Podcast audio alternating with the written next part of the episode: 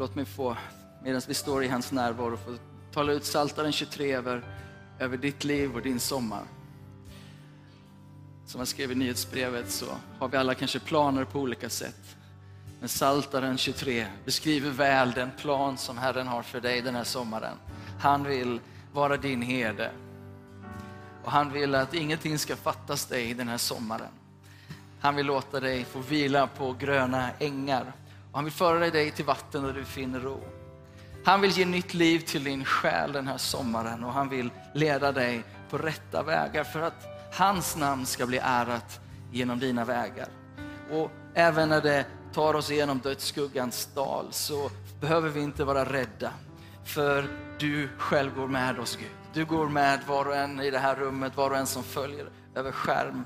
Och du har en käpp och stav som både beskyddar och tröstar på oss på vår vandring. Och tack Gud att du den här sommaren vill duka upp ett bord för var och en av oss med läckra rätter, vällagrade viner, allt gott och du smörjer vårt huvud.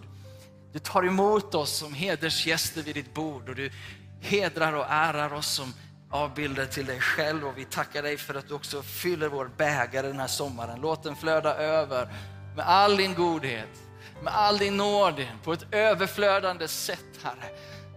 Med vetskapen om att vi är försäkrade och förankrade i evighet på väg till himmelen, på väg till ett nytt Jerusalem, en ny stad, en ny himmel, en ny jord här.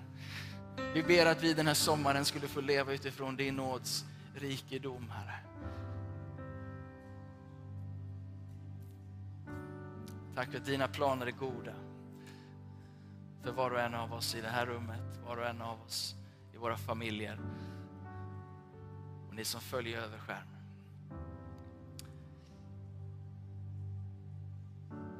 Du ska få bo i Herrens hus evinnerligen. I Jesu namn ber vi ut det. Amen. Amen, amen. Hörrni, varsågoda och slå er ner och, och Varmt välkomna till Citykyrkan den här söndagen och se att eh, så många trotsar värmen och kommer in i, till gudstjänst. Det är hungrigt. Eh, det är, det är ett gott tecken liksom att vi, vi, vi, vill ha någonting från himmelen. Eh, den här sommaren ska få bli god för dig, ber jag. Men gött att få fira gudstjänst är du här för första gången så är du varmt, extra varmt välkommen. Paolo Lenius heter jag, pastor här. Ehm, och eh, är lite kryare, jag låg lite sjuk här förra, förra söndagen och det har gått runt i familjen så nu Caspian, där eländet. Men vi blir friska och så får vi fira eh, sommar tillsammans. Vi har New Wine som ligger framför oss, sommarkonferens. Hur många ska med till New Wine? Kolla vad många! Vad roligt! Då, då ses vi och ni andra får vara heligt avundsjuka. Eller vara någon annanstans och må bra. Eh, ja, vi behöver en whiteboard idag. Tack och lov för whiteboard den här söndagen. Jag tror att det är mest för mig. Eh, vad sa du? nu? jag hör inte. Simon fyller år idag. Är det så? Det går rykten, det viskar fåglar här. Grattis! Ett fyrfaldigt lever för Simon, han lever. Hurra, hurra, hurra, hurra!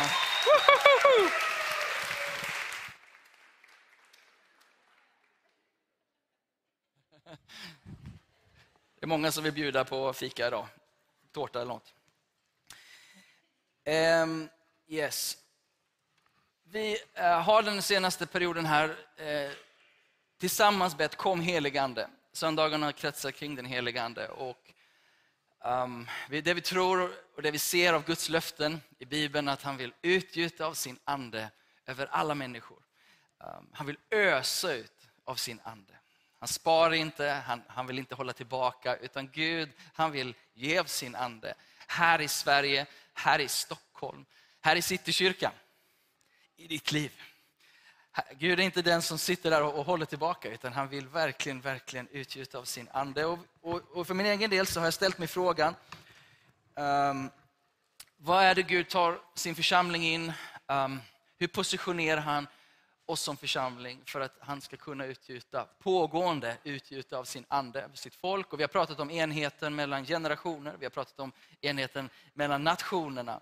Och att det är någonting som ligger i tiden, vad Gud gör, som tror jag i alla fall attraherar Guds ande. På det sättet att han vill utgjuta av sin kraft, sin närvaro på en sån plats. Och när vi läser om det här i Apostlagärningarna kapitel 2 så märker vi Eh, eh, ehm, så sätts det här andliga skeendet, alltså Gud börjar utgjuta sin ande och det, det är påtaglig förändring i människors liv och i den staden.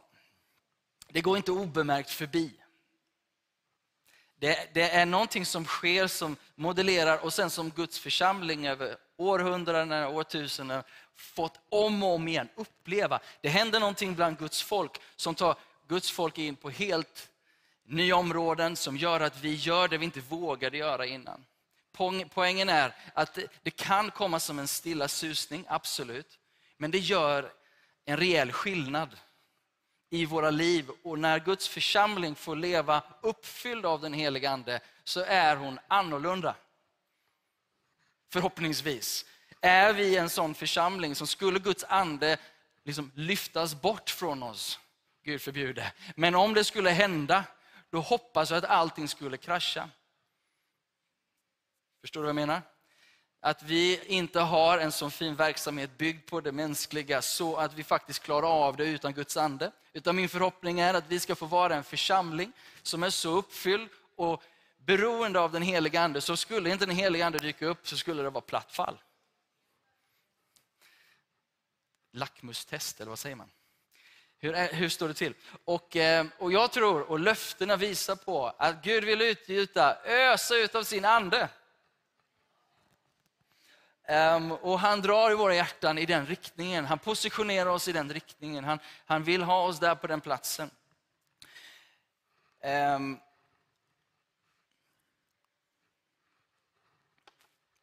vi hade en konferens här för några veckor sedan, IBC, International Believers Conference. Vi samlade massa olika nationer eh, och, och, och sökte Guds ansikte, och Guds plan och syfte.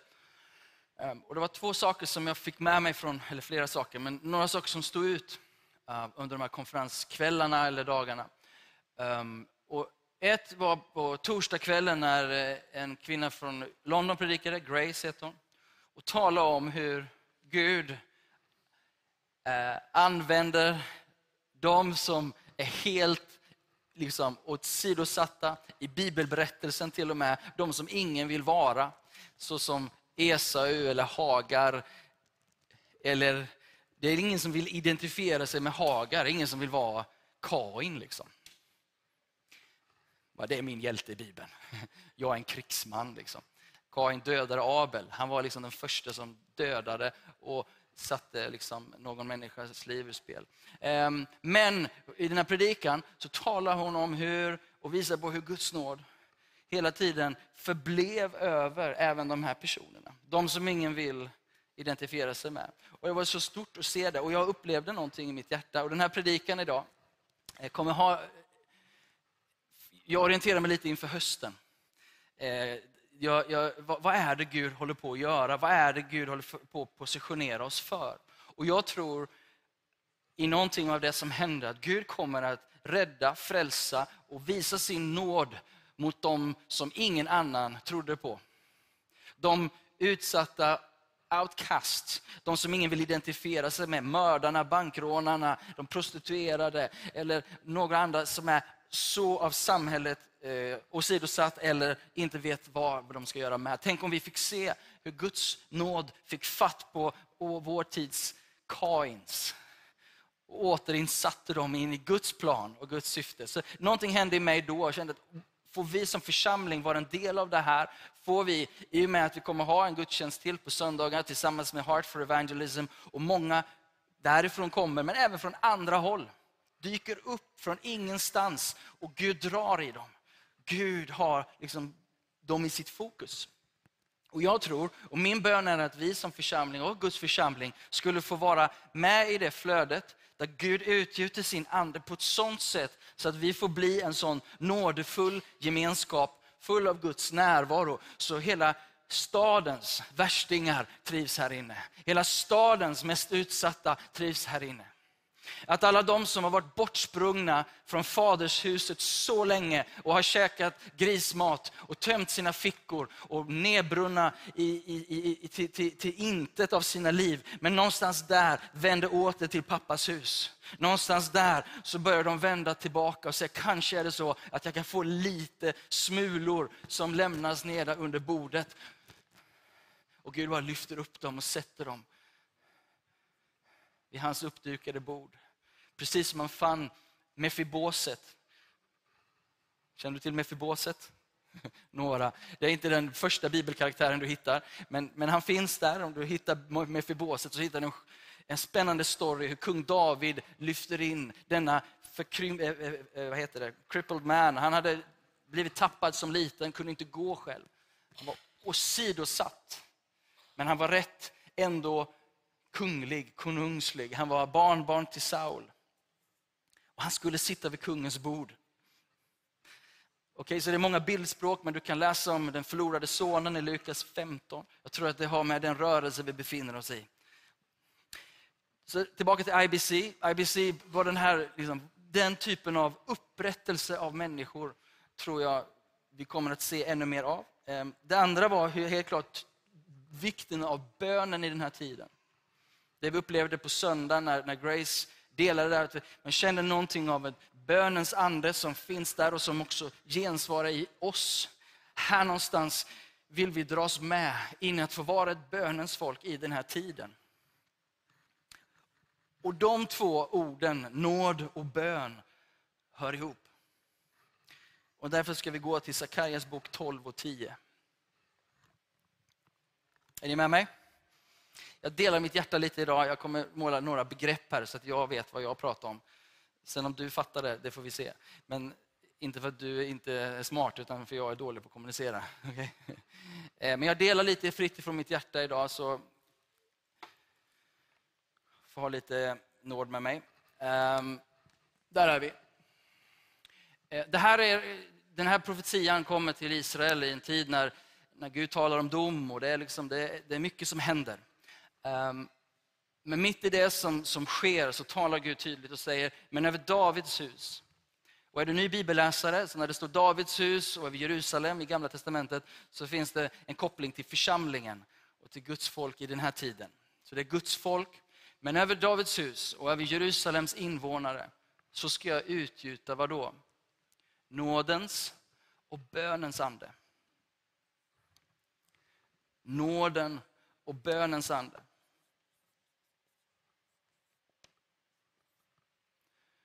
Jag tycker det är oerhört intressant att de två, nåden och bönens ande, paras. För det här är eh, profetior som talar om den sista tiden. Det är alltså eskatologiska texter som talar om vad är det Gud ska göra. Och när Gud talar om det i Joels bok eh, så pratar han om att han ska utgjuta sin ande. Pingstdagen det sker. Men det är också någonting som ska ske i den tiden och ännu mer kanske i den allra sista tiden. Det är för långt att komma in på, men det är någonting som, som bygger upp sig till crescendo. Ehm, och i den tiden när Guds ande ska falla över allt kött, så relaterar den här texten, om Sakarja får beskriva vad som händer, jo då är det ett utgjutande av Guds ande som präglas av nåd och av bön. Och för mig så tänker jag så här, tänk att få vara en gemenskap som är så fullt mättad av nåd och som är fullt mättad av bön. Alltså Guds närvaro. Ett folk som, som har fått uppleva Guds sanna förvandlade nåd på ett sånt sätt så att vi är beredda att se på varandra med samma nåd. Att vara en gemenskap som ser den förlorade sonen i horisonten och väljer att springa honom eller henne till mötes som har fått möta Fadern. Jag kan tänka mig så här, om, om vi tänker på den förlorade sonen. Han, han kom hem, han fick möta Faderns kärlek. Den nåden som fullständigt vänder ut och in på hela hans liv, tänker jag sätter honom mm, att bli en person som är full av samma nåd.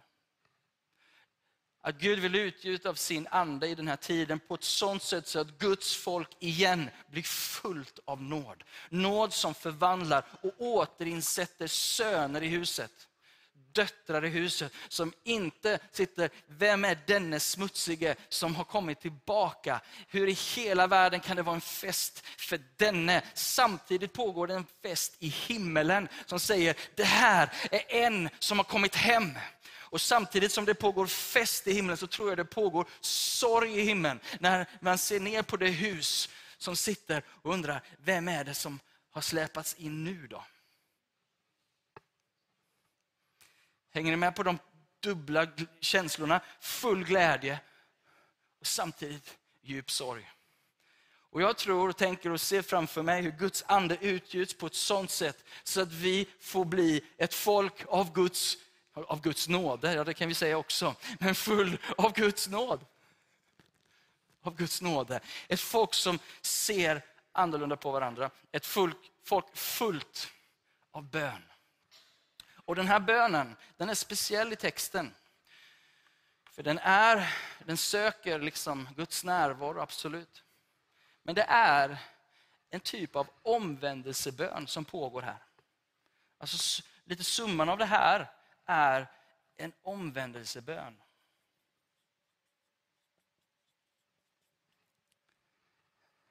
Det är någonting av sorg som har drabbat hjärtat som gör att man söker tillbaka. Det är någonting som händer i hjärtat som inser vart jag är, eller vart jag har hamnat och jag vill hem igen. Bönens riktning då blir, blir om, omvändelsen blir, jag var på väg i det här, åt det här hållet, jag var upptagen av mig själv, men nu vänds jag åter i bön med åkallan. Det är en, det är en bön, det är en bön som dessutom inte bara känner sin egen sorg, utan känner sorg för församlingens tillstånd, känner sorg för stadens tillstånd. Det är en förbönsbön. Det är ett hjärta som delar sorgen med Guds hjärta över de som ännu inte har kommit in. Det är, en, det är en, ett hjärta som bär mer än sig själv. Förstår ni vad jag menar? Det, det är en bön som, som, gör, som kopplar till Guds sorg för de som ännu inte är hemma.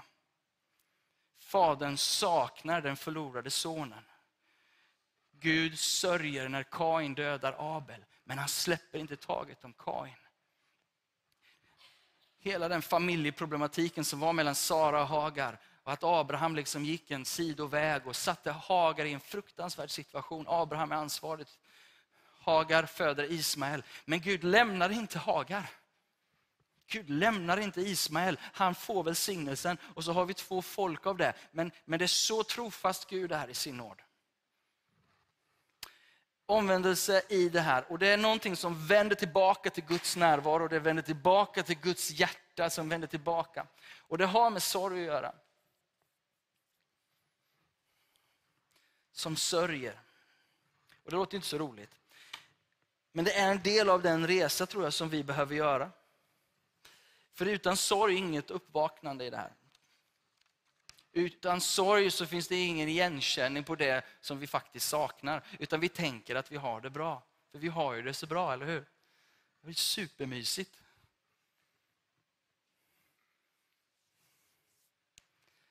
Det får vara fest samtidigt som det får vara sorg.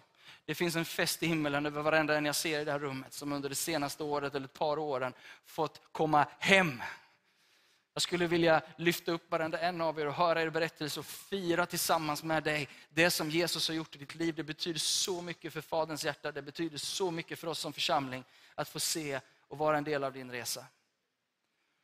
Men samtidigt så är det någonting tror jag som vi vill inse, som anden vill, heligande vill, vill visa oss. Um, om du går till, till saligprisningarna så vill jag bara spegla lite hur jag tänker.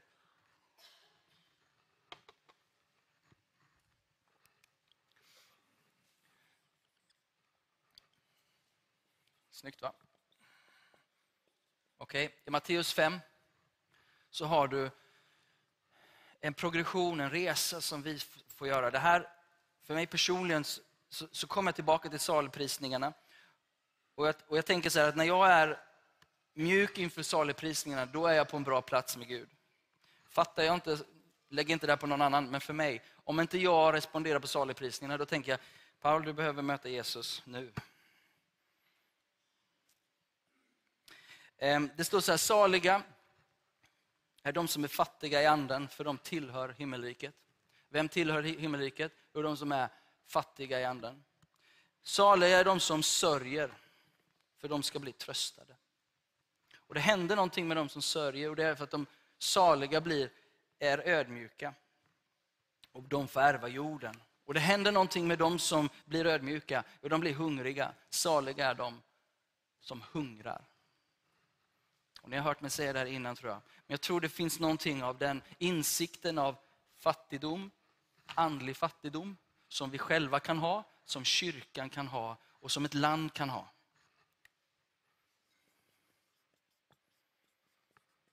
Och likväl så säger texten att där, dit dras riket.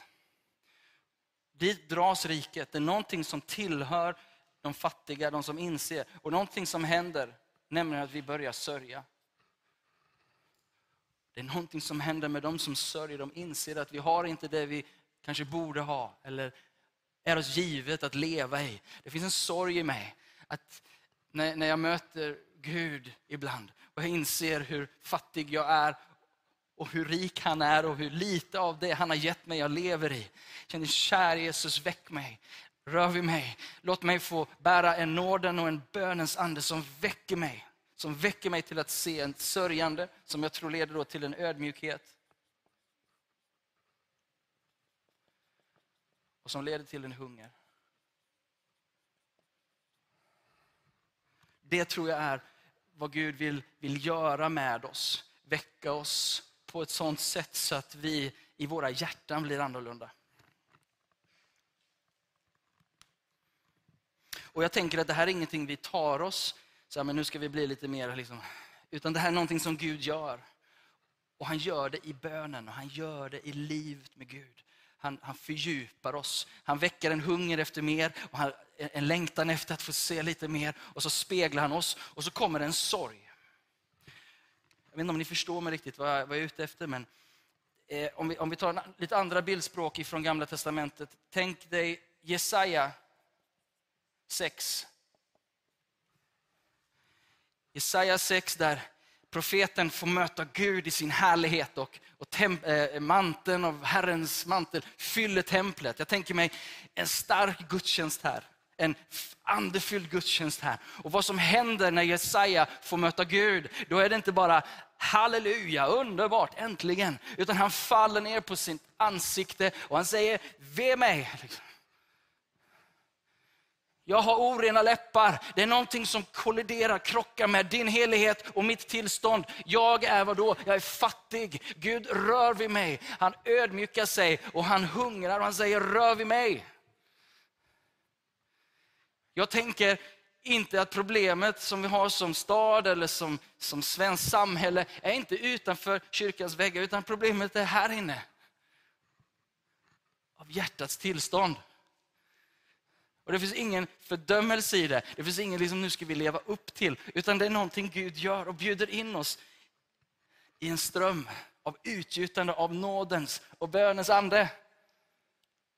Det pågår. Han placerar oss i den strömmen. Någonting händer med oss i den dynamiken av sorg, av omvändelse, av insikten av hans storhet och nåd som väcker mig till att be på ett nytt sätt. Till att ropa på ett nytt sätt. Inte bara för min egen försörjning den här sommaren, vilket Gud är mån om. Men han tänker på tillståndet i församlingen. Han tänker på tillståndet i staden. Och han undrar, vem kan jag dela den sorgen med? Vem kan jag få utgjuta min ande så att vi blir med Kristus ett i den sorgen och i den bönen som förlöser Guds kraft, inte bara här inne, men där ute. Ett folk som är så fullt av Guds nåd, så när strömmen kommer av människor så möts de inte av hemmasittande söner som undrar, vem är det där? Och varför får den så mycket från Gud? Tvärtom, det finns en glädje. kommer en till, nu kommer en till. Vi genom hans nåd blir redo att ta emot. alla de som Gud är på väg att dra in. Ehm. Om du tänker utifrån andra krönikebok uh, 7, 13 och framåt. Är, ni, är, ni, är det okej? Okay? Är ni varma? Inte lika varma som mig kan jag säga. Eh, de här lamporna är inte lika varma som de var innan, men det är fortfarande varmt. Andra krönikor 7. Ja, kom igen. står så här, om Herren talar, om jag tillsluter himlen så att regn inte faller. Så är det ju i Europa just nu faktiskt. Om jag bjuder gräshoppor att fördärva landet eller om jag sänder pest bland mitt folk. Men lyssna, men mitt folk som är uppkallat efter mitt namn ödmjukar sig och ber och söker mitt ansikte och omvänder sig från sina onda vägar, då vill jag höra det från himlen och jag vill förlåta deras synd och skaffa läkedom åt deras land. Mina ögon ska nu vara öppna och mina öron lyssna till vad som bes på den här platsen. Jag har nu utvalt och helgat detta hus, alltså Guds folk, för att mitt namn ska vara där till evig tid och mina ögon och mitt hjärta ska alltid vara där. Ett sista spegling i Gamla Testamentet av, av människor som möter Gud och så händer någonting i det. Det händer någonting med, med nåden och bönens ande i deras liv. Gå till Daniels bok kapitel 9.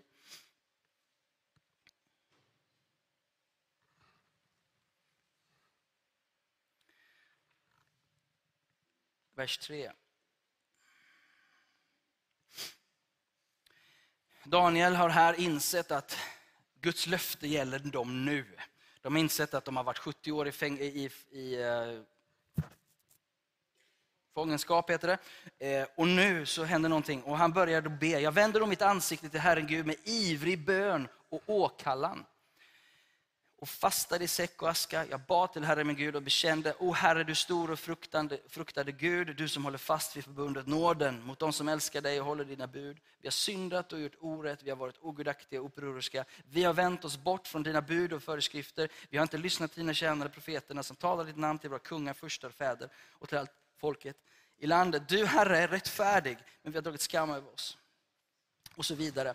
Det är bara responsen som jag tycker är intressant i de här tre andra krönikebok, vi har det i Jesaja och vi har det i Daniel.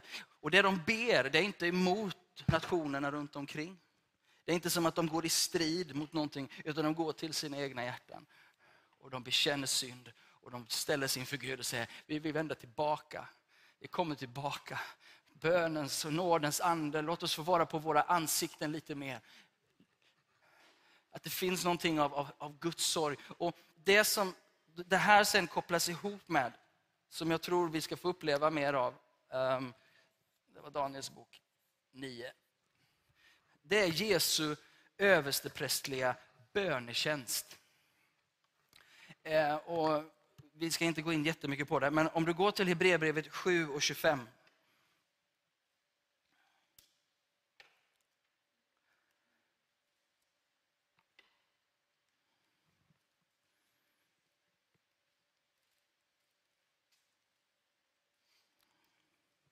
Det står så här om Jesus, att därför kan han också helt och fullt frälsa dem som kommer till Gud genom honom, eftersom han alltid lever för att be för dem.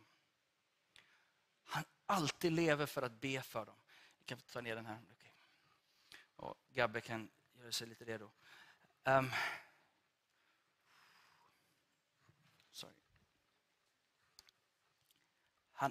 kan frälsa och han alltid lever för att be för dem. Och jag, jag blir så triggad i mitt inre när jag, när jag inser att Jesus på Faderns högra sida, han har fullbordat allting, loppet är fullbordat in i himmelen. Men likväl där på Faderns högra sida så ser han ner på oss och han ber för dig. Han vädjar för dig, han står med dig, han förmedlar nåd och kraft och barmhärtighet med dig. Han kopplar med dig, han kopplar med sitt folk och han ber just nu vad vi ska få se och vad jag tror att Gud tar oss in i, är att han kopplar sin församling in i Jesu förbönstjänst. In i den tjänst där han är huvudet för sin församling. Och han har jorden på sitt hjärta, han har människor på sitt hjärta, han har Stockholm på sitt hjärta, han har ditt liv på sitt hjärta. Och han ber för dig och han ber för oss. Och han har både en hög glädje i det att du tillhör honom, men en stor sorg i det som ännu inte tillhör honom. Och det är någonting som jag tror Guds ande vill bara dra oss in i. Inte för att bli lite bättre, men för att få gå med honom i en ström. Han utgjuter av sin ande i den här tiden. Han vill utgjuta av sin ande över sin kyrka. Problemet är inte där ute, problemet är här inne. Och Det är inte som att vi ska gå och göra bot och bättring för allting. Men vi behöver mer av Guds ande och Guds andes längtan i våra liv. Och Det kanske är så att vi behöver ett portion av ödmjukhet också. Det kan vara fallet. Eller vad tror du Midde? Att den ödmjukheten faktiskt ger upphov till en ny typ av hunger. Och den ödmjukheten kommer från någonstans, en insikt av att Paul och vi, Guds församling, vi är inte på den plats han önskar oss att vara. Och det är inte att bli, förstå mig, det, är inte, det har ingenting om fördömelse och liksom granskande. Men det är någonting med Jesaja som går sönder när han möter Gud i sin helighet. Och tänk om Citykyrkan, tänk om Guds folk fick möta Gud i sin helighet. Och då händer någonting och vi inser att jag är fattig, jag sörjer över min fattigdom och jag ödmjukar mig inför dig Gud. Jag böjer mig inför dig. Du som är skapare av himmel och jord. Och så börjar Gud röra vid mitt hjärta och ditt hjärta. Och så får vi känna den sorg och han känna den börda han har och det han gör i vår tid. Och våra böner kommer bli annorlunda. Vårt sätt att be kommer bli helt annorlunda. För det finns någonting som inte behöver ha en viss volym i sig, men behöver ha ett visst hjärta i sig.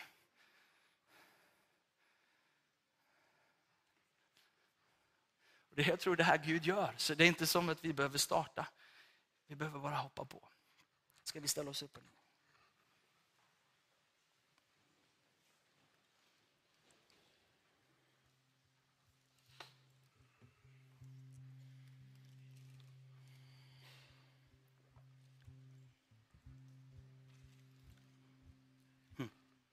Kom helige Ande. Att du i de här dagarna vill utgjuta av din Ande. Bönens, nådens och bönens Ande.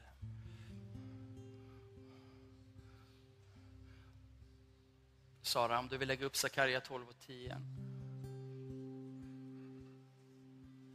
Ska vi bara till sist se, vad är det som händer när det här sker? Jo, det som händer är att de ser upp till mig mitt i versen där. Nåden och bönens ande, så att de ser upp till mig som de har genomborrat. Och då ska de sörja över honom som man sörjer den enda sonen. De ska gråta bittert över honom som man gråter över sin förstfödde.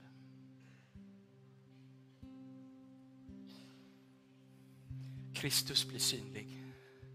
En korsfästen Jesus blir upphöjd och synlig för oss. Våra ögon öppnas när nåden och bönens ande plötsligt blir Kristus tydlig för oss. Hängde du med? Han som är genomborrad blir synliggjord. Vi ber om det i den här tiden här. Vi ber om det över den här sommaren. Vi ber att vi ska få vara på den platsen under den höst som kommer här. Ödmjuka våra hjärtan, jag ber himmelske Fader. För du har sagt att om vi ödmjukar oss, om vi söker dig Herre, kommer du med läkedom, Herre. Då kommer du och förlöser en nåd som upprättar så djupt och så brett.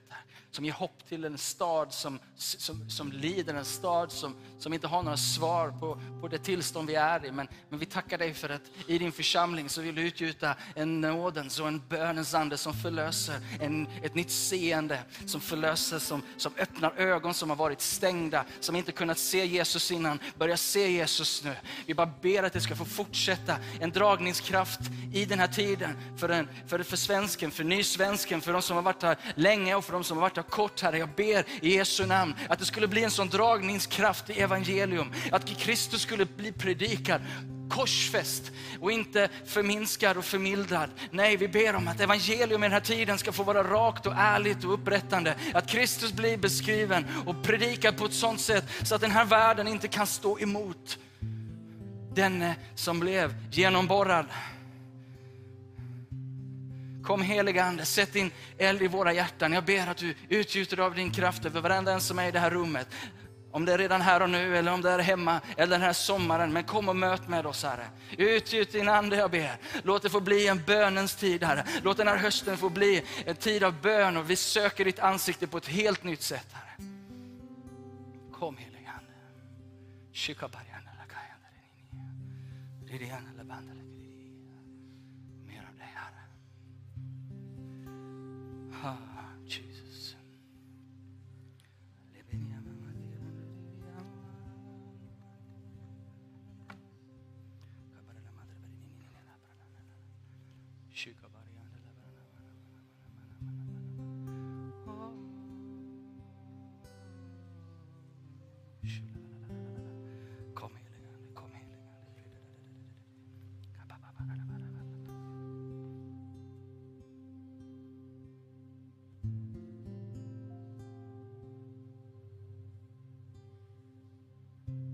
Vi har några kunskapens ord. Som det är några som har bett och lyssnat in och tror att Gud vill highlighta specifika saker för eh, specifika människor. Så om du känner igen dig i något av det här så är du jättevarmt välkommen fram. Vi kommer ha förbön på båda sidor här. Du är varmt välkommen till förbön om något av det här inte stämmer in på dig. Men eh, det finns någon som är orolig för hur sommaren ska bli. Bär på en oroskänsla inför sommaren. Finns det någon som är rädd för vad som kommer efter sommaren? Det kanske är... inte finns några planer eller så finns det planer som du är rädd för. Gud vill möta dig.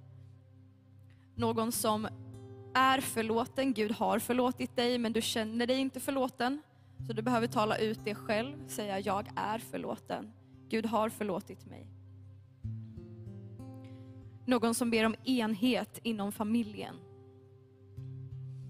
Någon som är orolig för sin ekonomi. Någon som har en sjukdom i hjärnan. Någon som längtar efter mer glädje i livet.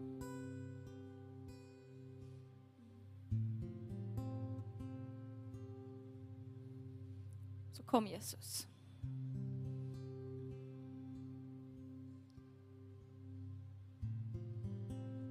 Kom heligande och berör våra hjärtan.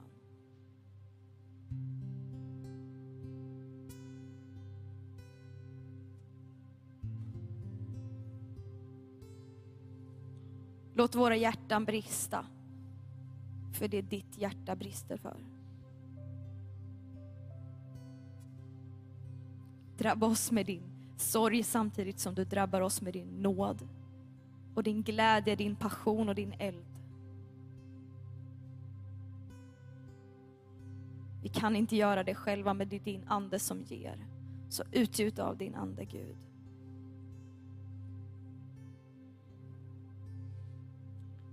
Välkommen till förbön.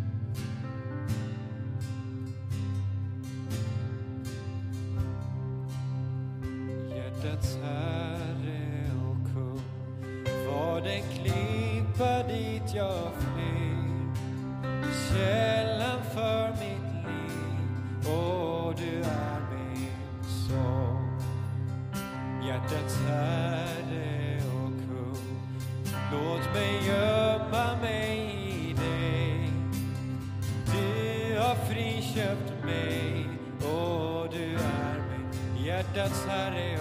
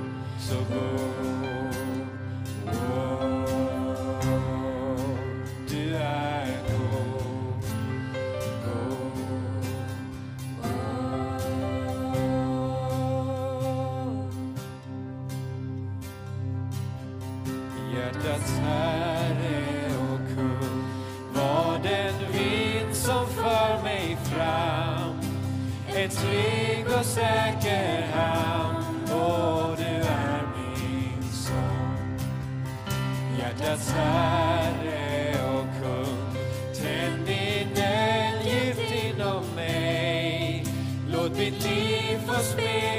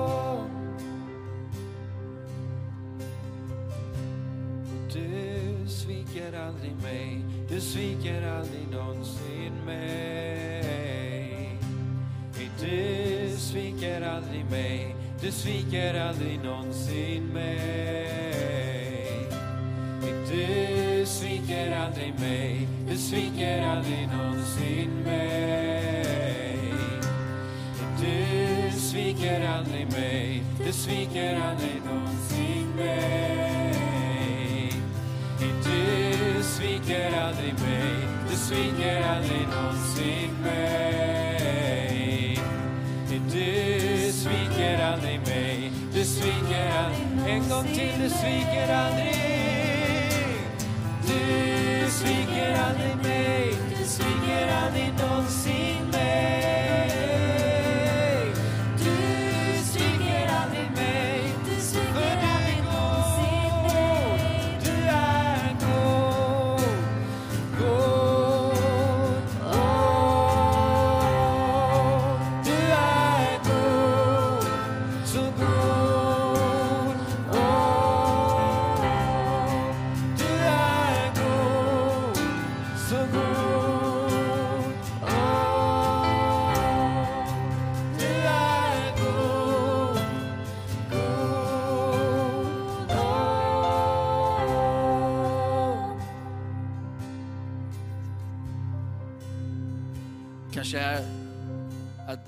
De personerna redan kommit fram, men jag tror att det, det finns flera som behöver vända riktning i livet.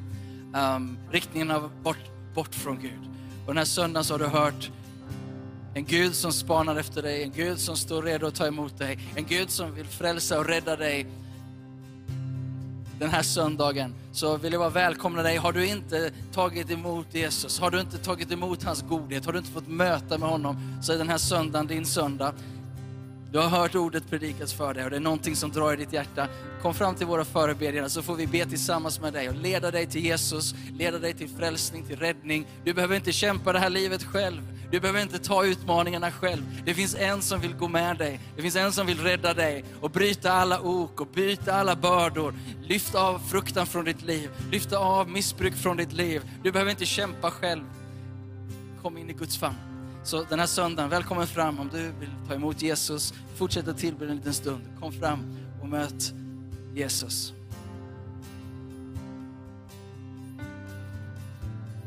Du sviker aldrig mig, sviker aldrig någonsin mig. Du sviker aldrig mig, du sviker aldrig någonsin mig. Du mig, du sviker aldrig någonsin mig. Nej, Du sviker aldrig mig, du sviker, du sviker aldrig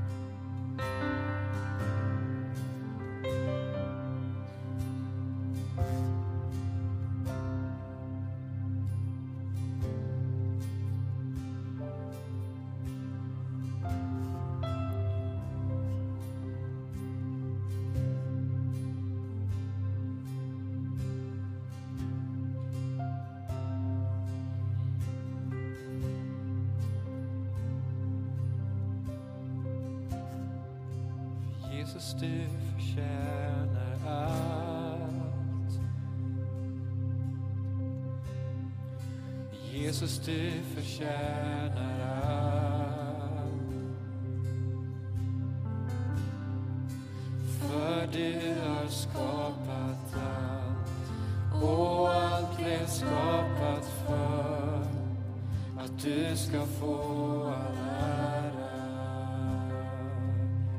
Jesus du, Jesus du förtjänar allt.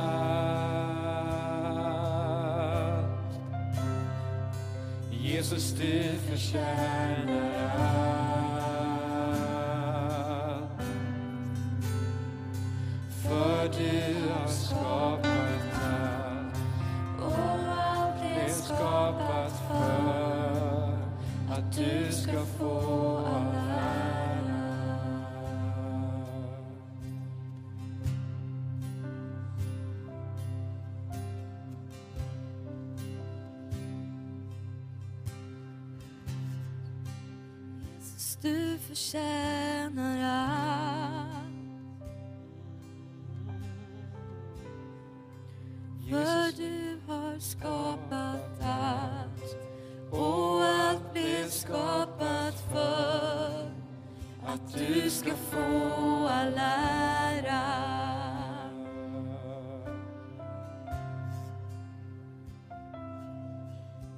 Jesus för den tryggheten. Tack Jesus för att det är du som har skapat allt. Du råder och regerar. Över allt och i våra liv, i våra hjärtan Gud. Vi inbjuder dig återigen att vara Herre, att vara Herre i våra liv. Att vara Herre över vår vardag.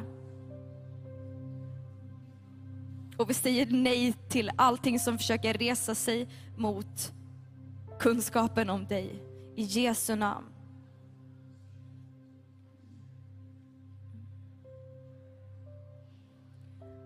Amen.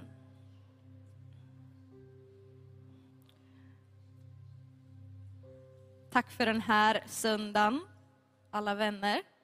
Vad fint att se er. Jag vill bara nu när vi går ut i en ny vecka påminna oss alla om att den sanna vilan finns i Jesus. Det är så lätt att vi i desperation efter mer vila försöker bara ordna saker i vårt liv. Men ibland kanske vi bara behöver släppa allt och falla tillbaka i Jesu armar istället.